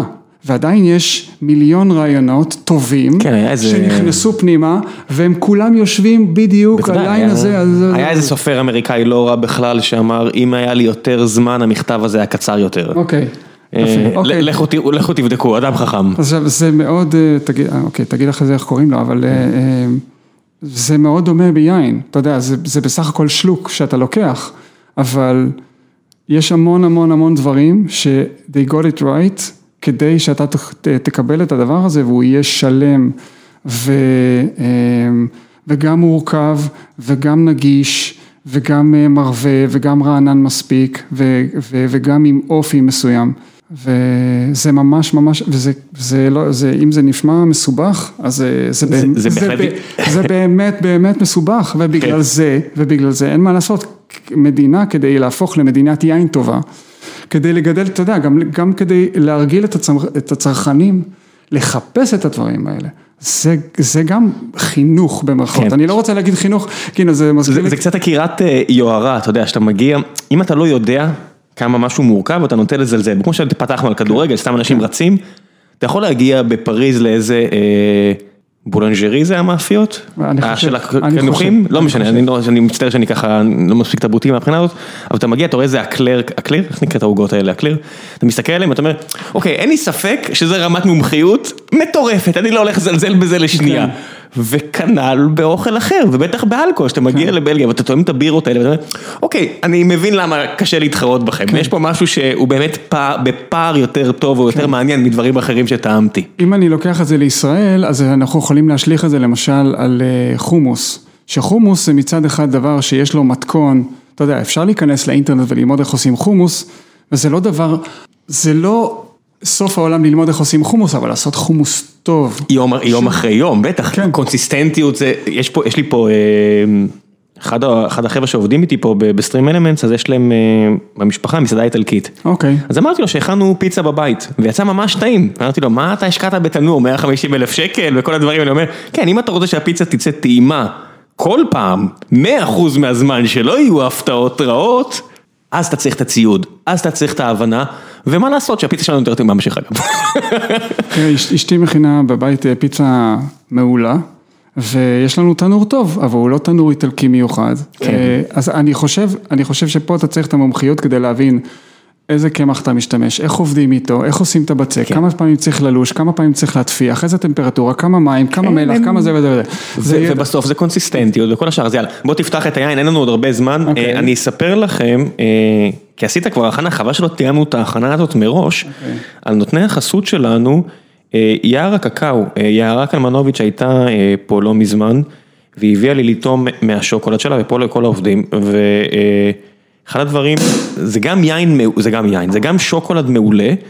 וזה גם מוצר ישראלי, ובדיוק אנחנו מדברים פה על כמה חשוב לתמוך בתעשייה המקומית אה, והעניין הזה של התרבות ותיירות, אבל היא גם מייצאת, היא עברה תוך כמה שנים מסיטואציה שבה היא לוקחת את החלום שלה ומתחילה לייצר במטבח שלה מעט שוקולד, למצב שהיא מייצאת טונות של שוקולד אה, למדינות כמו, כמו ארצות הברית.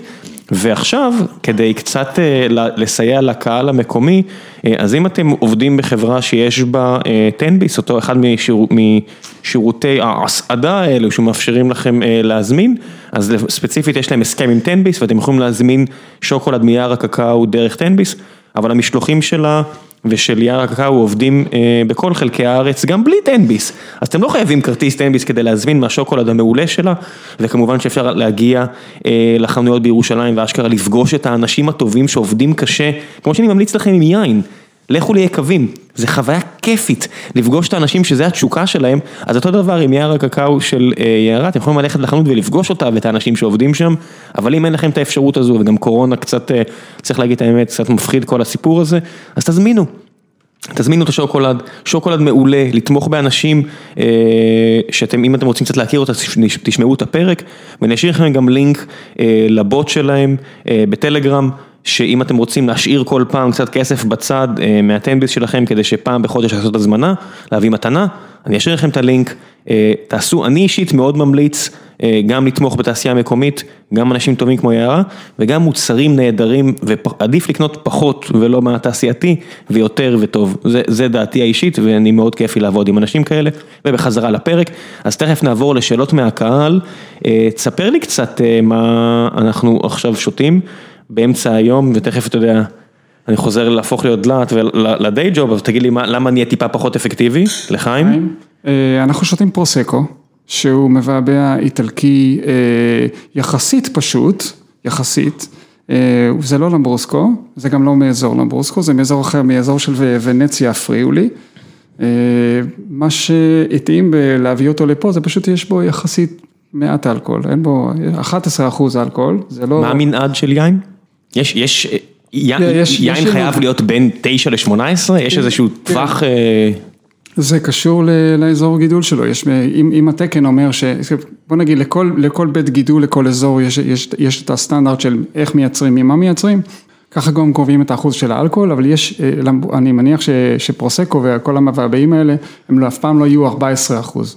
יודעים מתי לבצור. אבל לא יכול להיות יין של 20 אחוז, או 22 אני לא אחוז. יודע, תשמע, יכול להיות שיש אה, איפשהו אנשים משוגעים שיגידו שכמו שיש בירה מחוזקת, הם יחליטו לי- לייצר יין עם אחוז אלכוהול כזה, אני לא יודע. אבל רוב היינות הם נעים בין טווח של 11 ל-15, מדגדג את ה-15 וחצי, יצא לי כבר לראות 16, אבל זה ממש ממש נדיר. הבנתי, אז בוא נעשה קצת שאלות מהקהל. אה, אולגה לנקיס שואלת, יש בארץ ינניות, נשים שמייצרות יין, ולמה לדעתך זה תחום גברי? אה, אני חושב שזה דומה לתחומים אחרים, שפשוט עניין היסטורי, אה, יש פחות חשיפה, יותר קשה לנשים להתברג. זה boys club בהרבה מובנים, ישראל היא boys club, אתה יודע, אני מניח שזה קשור מאוד לצבא, לתרבות הצבאית שמאוד משפיעה על התרבות הישראלית. אני לא רואה הרבה סיבות אחרות, לנשים יש אפילו יתרונות, אני חושב שלנשים גנטית יש יותר איברי חישה על הלשון או וואטאבר, נשים לא נחותות מגברים בפיזיולוגיה שלהם, אין שום סיבה שנשים לא ייצרו יין. אבל לייצר יין בארץ זה לא פשוט. כמו כל דבר שקשור לקולינריה בארץ. כן, יש המון דברים שלא הספקנו לדבר עליהם בכלל, אבל... אתה תגיע שוב, אל תדאג. אנחנו השארנו פה יותר מדי נושאים פתוחים. אני אשמח. להקים יקב בארץ זה לא עניין פשוט, וללמוד יינות זה לא דבר פשוט. זה שהצרכנים גם צריכים להתרגל לדברים קצת שונים, קצת... קצת לפתוח את האופקים, זה גם מקשה, כי כל דבר שאתה תציע, אתה תצטרך לדאוג שמישהו בסוף יקנה אותו, הרבה מהיין נקנה ברשתות שיווק, כדי להיכנס לרשת שיווק, יש לך איזושהי פרמיה שאתה צריך לשלם, איזה, איזה חסם כניסה כלכלי פיננסי, כן. וזהו, זה פשוט, זה לא בלתי אפשרי וזה פשוט קשה. יובל לזרי שואל, מה דעתך על לימודי התואר השני בגפן ועננות בפקולטה לחקלאות? וואו, אין לי מושג. אין לי מושג, אני יכול להגיד לך שככל שהתעשייה בארץ תתפתח ויהיו פה יקבים טובים ויהיו פה צרכנים שישלמו על איכות ואני חושב שיש תנועה מאוד ברורה של של מעבר מצריכה של יינות פשוטים, של budget wine סופרמרקט, אנשים, לקוחות ישראלים יותר, יותר פתוחים לקנות יינות שהם מעל ה basic. ככל שזה יתפתח, גם הפקולטות האלה יעבדו יותר טוב, יהיו פה אנשים יותר טובים, ישראל תמשוך אנשי יין טובים, אבל זה הכל בדרך כלל מתפתח ביחד, ספציפית ל... חברי אורילץ' שגם התארח פה פעם, בדיוק כתב לא מזמן על יין ואמר ש... לדעתו התנועה הייתה יותר מדי קיצונית, שממצב של יינות פשוטים עברנו רק ליינות מורכבים, ועכשיו אם אתה שותה יין זה חייב להיות יין מורכב, יקר, והוא אמר הוא מתגעגע לימים של פשוט, של יינות קטנים, וכן, תן לי ליהנות. אני חושב שזה מאוד קשור לשיווק, בגלל שכדי to make a mark, הרבה יקבים מספרים סיפור, ובגלל שבאמת יקר לייצר פה יין, עלויות, חוסר של תמיכה מהמדינה, עלות של העסקה של עובדים, כל הדברים האלה, והמים, הקרקע, כל הדברים האלה בסופו של דבר מייקרים את היין, זאת אומרת אם אתה נכנס לסופר ואתה, או נכנס לחנות ואתה רוצה יין ישראלי, ויין ישראלי, קשה למצוא יינות שהם תמורה מעולה לכסף ב-30, 40, 50, 60 שקל, קשה, אין הרבה יינות כאלה, באמת שלא, והיינות בוטיק, יקבי בוטיק בטוח זה יותר. וזה הרבה בגלל העניין הכלכלי שעומד מאחורי, וברגע שתהיה יותר תמיכה. אז אם מדברים על אה, ישראל ויינות בארץ, אז כפיר בן שמעון שואל, מה ההבדל בין יין כשר ללא כשר ואיך זה מתבטא בתהליך ההכנה? אז אם אתה רוצה שהיין יהיה כשר, זאת אומרת שכל התהליך צריך להיות לפי, לפי אה, כללים של כשרות, יש סוגים שונים של כשרות. יקב שמייצר, אני לא יינן ואין לי יקב, אבל ממה שאני יודע, יקב שמייצר יין כשר, רק שומרי מצוות יכולים לגעת ביין עצמו, יש אנשים שהם עובדי צוות, אני לא אקרא להם פועלים, עובדי צוות, כי יש להם גם ידע, כי הם לא, אתה יודע, מתעסקים עם יין, אבל הם עושים מה שהיינן מבקש, ואתה רואה את הציציות מתחת לחולצה, והם פשוט שומרי מצוות, שהם באים במגע עם היין. וליינן עצמו הרבה פעמים אסור לגעת בשום דבר, כי היין כשר, יש דרגת כשרות שנקראת למהדרין, ששם צריך גם מה שנקרא לבשל את היין במרכאות כפולות, לבשל, יש איזשהו צינור שהוא מחומם לטמפרטורה מסוימת והיין צריך לעבור דרכו, ומבחינת הכשרות זה אומר שהיין הזה, גם אם גוי פתח את הבקבוק, אדם מאמין עדיין יכול לשתות ממנו. והרבה מקומות דתיים שמחמירים וכו' וכו', הם יקנו כשר למהדרין, וזה מה שזה אומר, שהיין הוא עבר איזשהו תהליך של בישול. בועז שואל, אה, בירה מוכרים בבקבוק אישי של 330 מיליליטר, למה לא מוכרים ינות אישיים יותר ב-150 מיליליטר למשל? אז, אז יש, אם אתה תיכנס לחנויות סופרמרקטים בחו"ל בעיקר, אתה תראה בקבוקים קטנים. נכון. אישיים. אגב, אני חשבתי את הפרוסקו הזה שהבאתי לפה, להביא בבקבוק קטן, ואתמול שקניתי אמרתי, זה נראה, זה, זה ייגמר מהר מדי, אני לא חושב שזה יספיק, אז הבאתי בקבוק פתחנו. את זה מאוחר אז לא יודע שזה ייגמר, אבל זה מה שמעתי לענות שבאירופה רואים את זה. זאת אומרת רואים את היינות הקטנים האלה לפיקניק של אדם אחד. בנמל תעופה אתה קונה, אתה יודע, אתה, אתה לוקח איתך למטוס אה, הרבה פעמים, זה גם אה, כמו שהם מוכרים במטוסים, פשוט אתה צריך שיהיה, צריך, שיש לזה שוק, אתה צריך שיהיו צרכנים שאוהבים לקנות בקבוקים קטנים, בישראל אין הרבה, אין הרבה צרכנים לזה, אבל אה, פה ושם גם אפשר למצוא. אילן קציר שואל, מה היין האדום היבש האהוב עליך? וואו, זה כמו לשמוע אם אני אוהב יותר את אה, באך או מוצרט, אם אני יותר אוהב את אה, ג'ימי הנדריקס או ג'וני מיטשל, אה, כאילו, how do you compare, כאילו. תמליץ, תכף אתה יודע, תכף תמליץ גם על האתר שלך בשלב ההמלצות, אבל אם בא לך להמליץ על שניים שלושה יינות שאתה בכל זאת הפייבוריטים שלך. ברור שזה גם תלוי בטווח מחירים, אז בוא נגיד טווח כן. מחירים של, לא יודע, 80, לא, 100, 120 סתם. שקלים, הטווח המיד טיר הישראלי, אם יש לך איזושהי המלצה. וואו, קשה. אה, אם אני יכול, אה, אני לא... לא בסוף זה גם שאלה כן. פוליטית, אה? זה מה שלא תמליץ, יגידו אני- למה לא אה, המלצת. עליי. אה, אה, מי שעוקב אחרי העמוד שלי בפייסבוק, הפיינשמקר, הוא יכול לדעת שהייתי לא לא מזמן בעמק הלואר, אבל לא מזמן, זה היה לפני שנה, אבל זה עדיין חי בזיכרון. ובין השאר טעמתי שם קברני פרנק, שזה זן שיש לו, יש יש כמה יקבים יש- ישראלים שמייצרים יין. קברני פרנק, אפילו בקברני דוחפים את הפרנק, לא, פרנקופילים כן, של כן. ה... קברני פרנק זה, אני חושב שגם זה, זה זן שגנטית גם מהסוביניאן בלאן יצא אם אני לא טועה. אה, ויש יש קברני פרנק מדהים, שהוא מגיע מעמק הלואר. אה, אה, והיום גם בארץ גם כאילו היבוא משתכלל וה- והצריכה משתכללת ואפשר למצוא גם כל מיני דברים מעניינים ויש קברני פרנק מדהים, זה יין שצריך לתת לו קצת להיפתח, הוא לא יין לכל חך, הוא יין שצריך לפתח קצת את החך כדי להעריך אותו. אה, קברני פרנק צרפתי מעמק הלואר, מאוד אה, מעניין. אוקיי, וניתן גם באמת לינק לעמוד שלך בפייסבוק ו- כן, ולאתר. אה, ושם תוכלו לראות המלצות כמה שתרצו, כן, אה. בלי לשים אותך on the spot. ניב שואל, אה, שמעתי מכמה בעלי יקבים בארץ שטוענים שלא ניתן לייצר יין איכותי בפחות מ-100 שקל לבקבוק. האם יש צדק בדבר? תראה, אני מכיר יינות ישראלים טובים שעולים 55, 50 שקלים, 60 שקלים, אז זה אתה רוצה לדעתי זה לפרגן? לא נכון. לתת שם? אה, שתיתי White Tulip אה, לא מזמן, אה, והוא, אני חושב, עודף מ-60 או עודף מ-70, והוא היה נהדר. גם למבעבע, השמורה ברוט, שדיברתי עליו יותר מוקדם, הוא יין, הוא מבעבע פנטסטי, באמת, הוא טוב.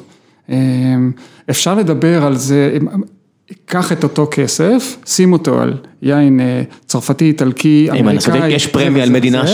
שזה- לא, שאתה יודע, שיקר יותר לייצר בה, יש פרמיה על hyper localization. נכון, לא, אבל כן, אבל כאילו, אתה, יכול להיות שאתה תקנה קצת יותר איכות פה, אבל אם מי שחשוב לכם לקנות תוצרת ישראלית, ויש פה תוצרת ישראלית טובה בפירוש, אז יש יינות, טוב, יכול להיות שהוא ביקר ביקב, שיקב קטן, אין הרבה, אה, כאילו התקורה התפעולית, אין מה, היא, היא נופלת על, על מעט תוצרת, ומה לעשות, היינות הם יותר יקרים בגלל זה.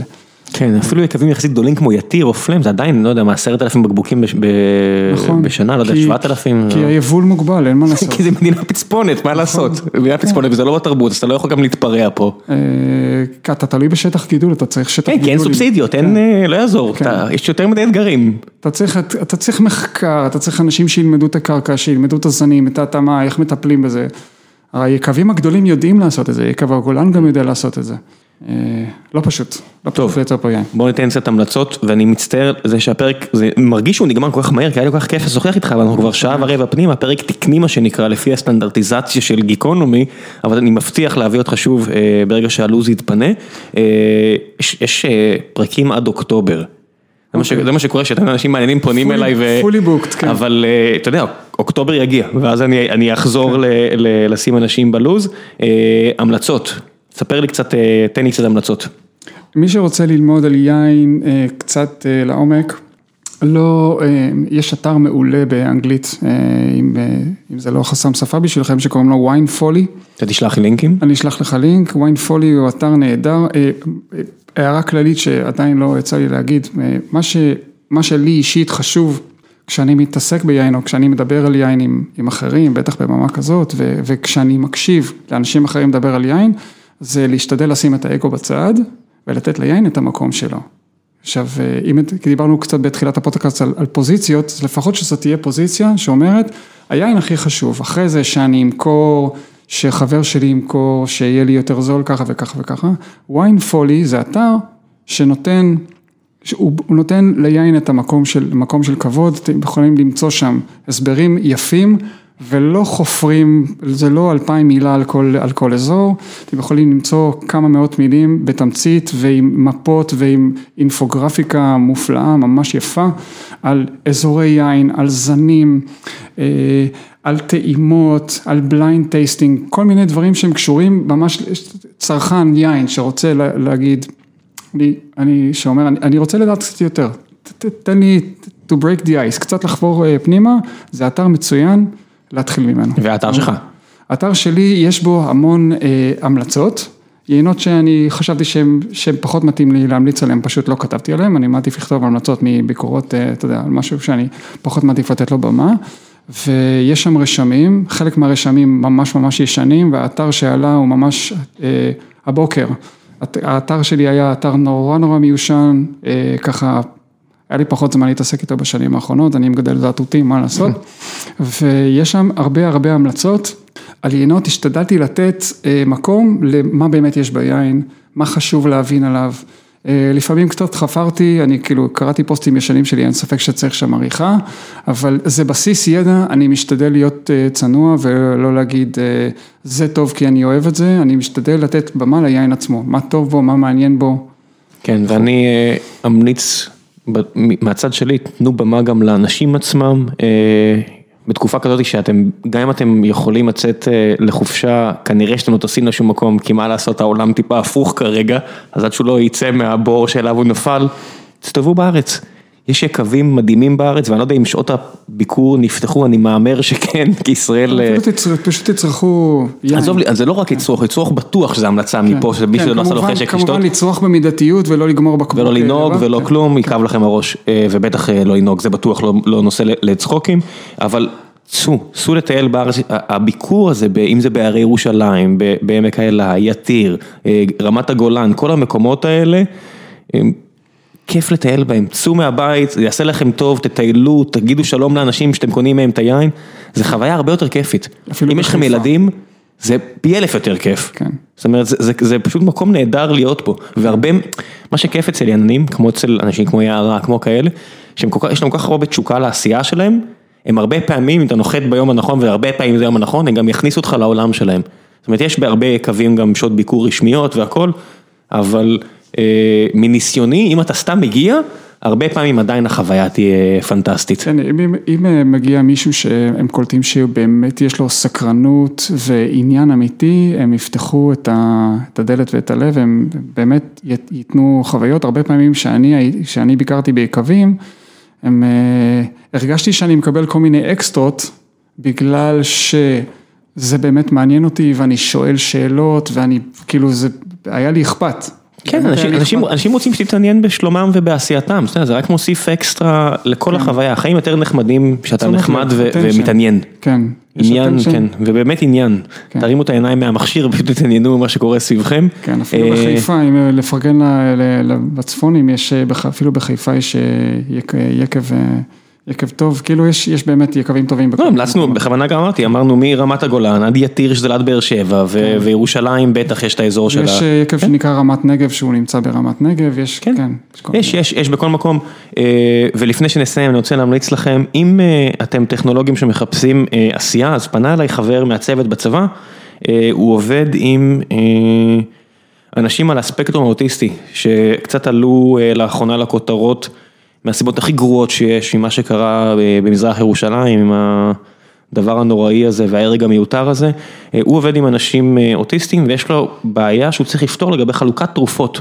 אם מעניין אתכם לשמוע על בעיה ואתם מחפשים ויש לה אה, פוטנציאל כלכלי גם, אז אם אתם יזמים טכנולוגיים, אתם רוצים לשמוע על בעיה ומחפשים בעיה לפתור, אני אשאיר את האימייל שלו, תפנו אליו, הוא מחפש אנשים שרוצים לפתור את הבעיה, ואם אתם יזמים אתם יודעים שלמצוא בעיה טובה זה דבר נהדר, אז אני אשאיר לכם את האימייל שלו, אה, דברו איתו, חבר'ה עם רקע יותר מכני, אה, חשמלי ולא בהכרח תוכנה. אבל לכו על זה, אני אשאיר את האימייל, אני אני אזכיר לכם מדי פעם עד שאני אשמע שמישהו קפץ על החכה או לפחות מצא סיבה טובה למה לא לעשות את זה. וזהו להפעם, אני מבטיח שנועם יגיע שוב, קשקשתי יותר מדי בהתחלה ואכלתי לך יותר מדי מהזמן, אבל אני אתקן, אני מבטיח. הכל בסדר. יאללה, ביי בינתיים, תודה רבה רבה, ביי. תודה לך.